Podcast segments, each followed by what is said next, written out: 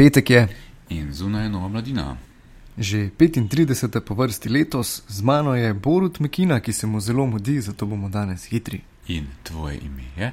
Izak Ušir. Izak, eh, prebral si mladino. Začenja se no, novo politično leto, parlamentarci so se vrnili v svoje klopi, mi tudi smo polni energije in smo začeli na polno. Mislim, da si prebral mladino in te je stvar zelo zanimala, drugače se ne bi sedaj z mano pogovarjal. Je tako? Je tako naslovno temo si pisal, problem pa je, ker zopet prihaja kriza ne? in Nemčija je ponovadi tisti, tisti prvi znanitelj, ki ga vidimo in zaradi katerega smo v preteklosti že večkrat naredili napako. Da je malo pojasni to, kaj se je v zgodovini dogajalo in zakaj se še do danes tega nismo izučili. 0,1 odstotni padec nemškega BDP sicer ni veliko. Ostali, ki so zdaj tu v Sloveniji komentirali in pisali o tem, so rekli, v resnici naj nas ne bo strah, da je vse to čist ne, minimalno. Ne. Ampak v tem 0,1 se skriva nekaj drugega. Pri Nemčiji se ta dviguje gospodarsko rast, gradbena dejavnost in popraševanje, torej domače popraševanje, vleče dol pa avtomobilska industrija, na katero pa je slovenski izvoz izjemno vezan in postal tudi izjemno vezan v zadnjih desetih letih. Ta, ta avtomobilski izvoz njihov pa je padel v tem letu, mislim, da za 12 odstotkov in v enem od teh mesecev, junija, za 25 odstotkov. Tako da to se bo očitno poznalo. Ni tako nedolžna ta stvar, ki se pripravlja, poleg tega pa seveda.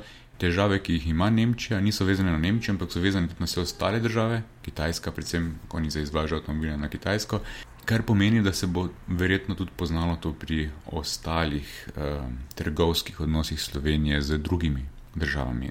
Tisto, kar je nas zaskrbelo, je, da pač Slovenija ima to smolo, da vedno napačno reagira. Ne? Tako smo naredili eh, zadnjič in tudi zdaj so neki znaki, da je kompas rahlo zašel. Pogledali smo si Nemčijo, kaj Nemčija počne, kaj je Nemčija takrat počela, pred desetimi leti, kaj smo mi naredili. Mi smo pred desetimi leti uh, reagirali izjemno zmedeno na to, kar je prihajalo. Smo pa predlagali, smo predlagali vladi, kaj naj naredi in jaz upam, da nas bodo upoštevali. Upam, da šarec bere mladino. Eh, nekaj zanimivega si napisal v bistvu, da ko Nemčija kihne, se to pozna tudi v Sloveniji, oziroma se Slovenija prehledi.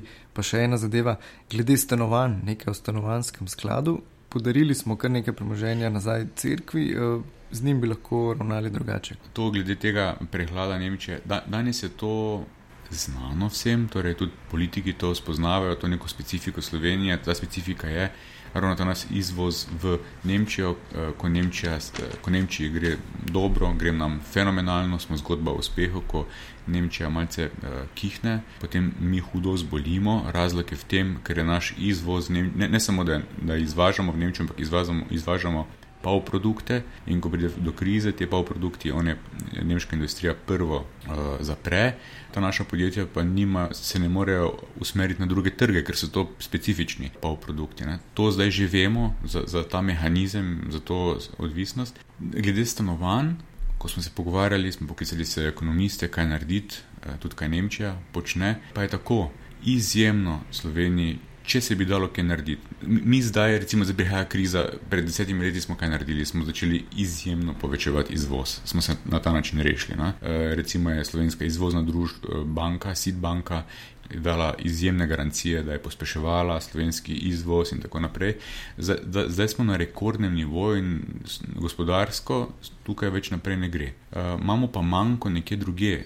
Izjemni manjko je pri torej domačem eh, popraševanju in to je pri gradni stanovanj. Tukaj smo evropsko, skoraj na dnu, od leta 15 naprej imamo strm padec prodaj novih stanovanj, torej se več ne gradi, vse gre navzdol tukaj, eh, vlada naša zaenkrat še naprej špara. Če pa pogledamo, kaj dela Nemčija zdaj, ker tudi oni imajo, ne se smo podobni, tudi oni so stavili na izvoz, pa zdaj več jim ne gre.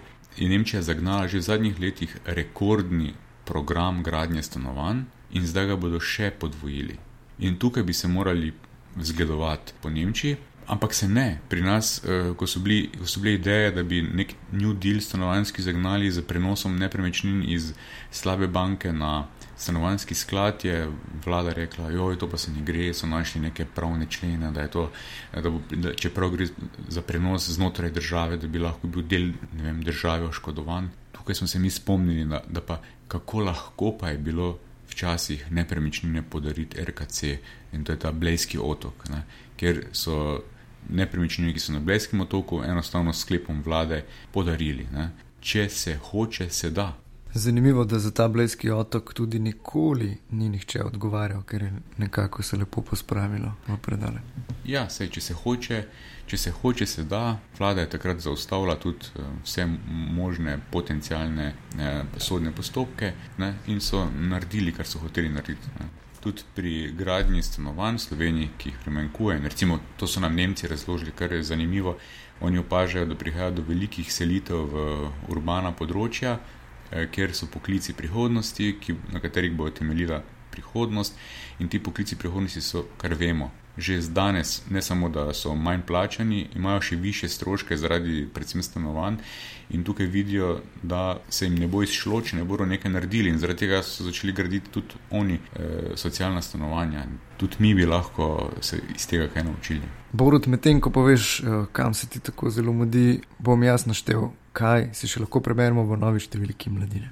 Mudi se nam na sestanek za svetovno zdravstveno organizacijo, zato ker v naslednji mladini se bomo pa lotili druge perečega problema. Evo, koma je na prodaj nova številka, že napovedujemo naslednjo. Skratka, Jure Trump še v novi številki pisal o pokrajinah. Slovenijo bi namreč radi razdelili na kar 11 različnih pokrajin in Jure piše, zakaj je to slaba ideja še najhujše za Štajersko.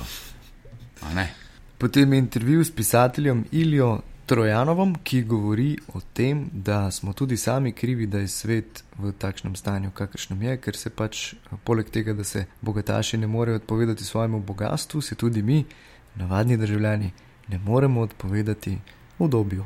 Dekan filozofske fakultete, dr. Roman Kuhar, pa je napisal zelo zanimiv komentar sicer o tem, kako nepravično rangirajo univerze v svetu in kako so se naše slovenske univerze znašle zelo, zelo nizko na lestvici. To pa je očitno znak, da mora Borut Mekina oditi. Ja, že kličejo. Borut, hvala, adijo. Čau.